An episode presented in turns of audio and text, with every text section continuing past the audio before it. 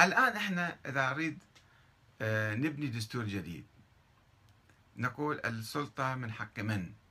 السلطة فقط من حق العلويين والسادة مثلا؟ السادة الحسينيين السادة الموسوية السادة مثلا الآخرين؟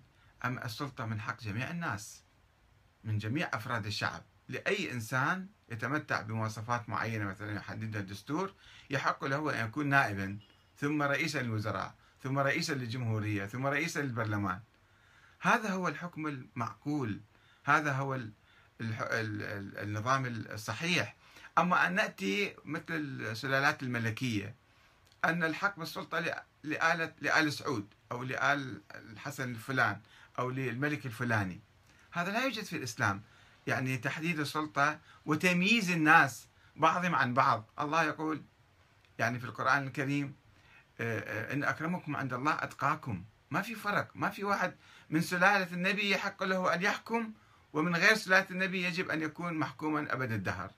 ولذلك نشب الصراع في القرن الأول بين مختلف الفرق السياسية. آه، قسم كان يقول السلطة لعامة الناس كما كان يقول أبو حنيفة والخوارج والإباضية. وقسم يقول يحصرها في قريش السنة. وقسم يحصرها في آه، العترة اللي هم العباسيين وقسم يحصرها في أهل البيت اللي هم آه، العلويين أو الحسنيين أو الحسينيين وما إلى ذلك. الآن نأخذ بعض مداخلاتكم إذا يسع الوقت ولا أريد أن أطول عليكم كثيرا. آه، وإنما يعني بسرعة سوف أمر عليها. الأخ الحمداني يقول أنت تقول آه، غير معقول حديث الثقلين غير صحيح. هذا الحديث تواتر عند كل الفرق وكذلك في صحيح مسلم. يعني صحيح. يعني أولا التواتر لازم يكون في كل الأجيال في كل المراتب وليس في جيل معين أو زمن معين آه، يتفق عليه الناس ويصبح وسلطة تدعمه وتستفيد منه وتستغل الحديث هذا فيصبح متواتر. فهذا بحث التواتر هو بحث مفصل.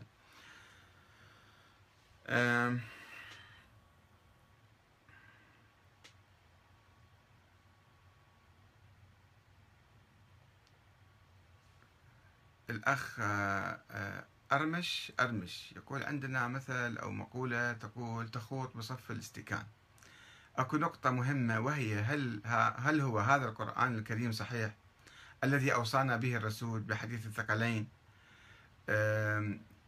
هل هذا هو الكتاب الذي بأيدينا الآن؟ أو يوجد قرآن آخر صحيح ويظهر مع ظهور الإمام المهدي هل نحن ضالين وما ذنبنا؟ لا لا يوجد قرآن آخر وهذا هو القرآن الذي يعترف به الشيعة ويعترف به عامة المسلمين.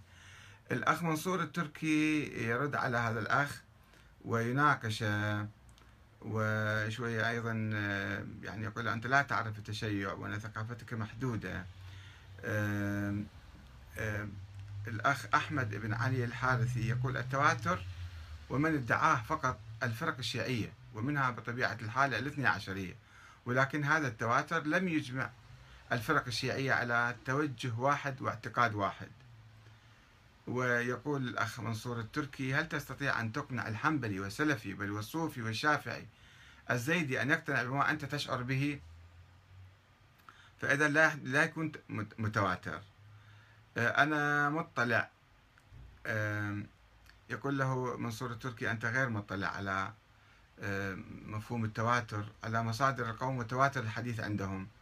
يقول له أحمد بن علي الحارثي أنا مطلع جيدا وأفرق بين رواية الثقلين ورواية العترة وأعرف الدلالات واختلاف الناس حولها وأنت هل تعرف مصادر هذا الحديث؟ حسب تفاصيله ورواياته واختلافياته. أجبني بارك الله فيك. التواتر المزعوم يضيف الأخ أحمد بن علي الحارثي التواتر المزعوم لم يؤلف في التفكير والقناعة أهل التشيع فضلا عن أهل التسنن. يعني هم كانوا مختلفين فكيف يكون متواتر؟ أه ويتناقشون حول موضوع التواتر بين منصور التركي وبين الشيخ أحمد بن علي الحارثي. أه ويقول لابد أن يمارس الاثنى عشرية إرهابا فكريا ليقول يا أخوان شوفوا حتى لو قلنا أن هذا الحديث يختص فقط بأهل البيت الاثنى عشر.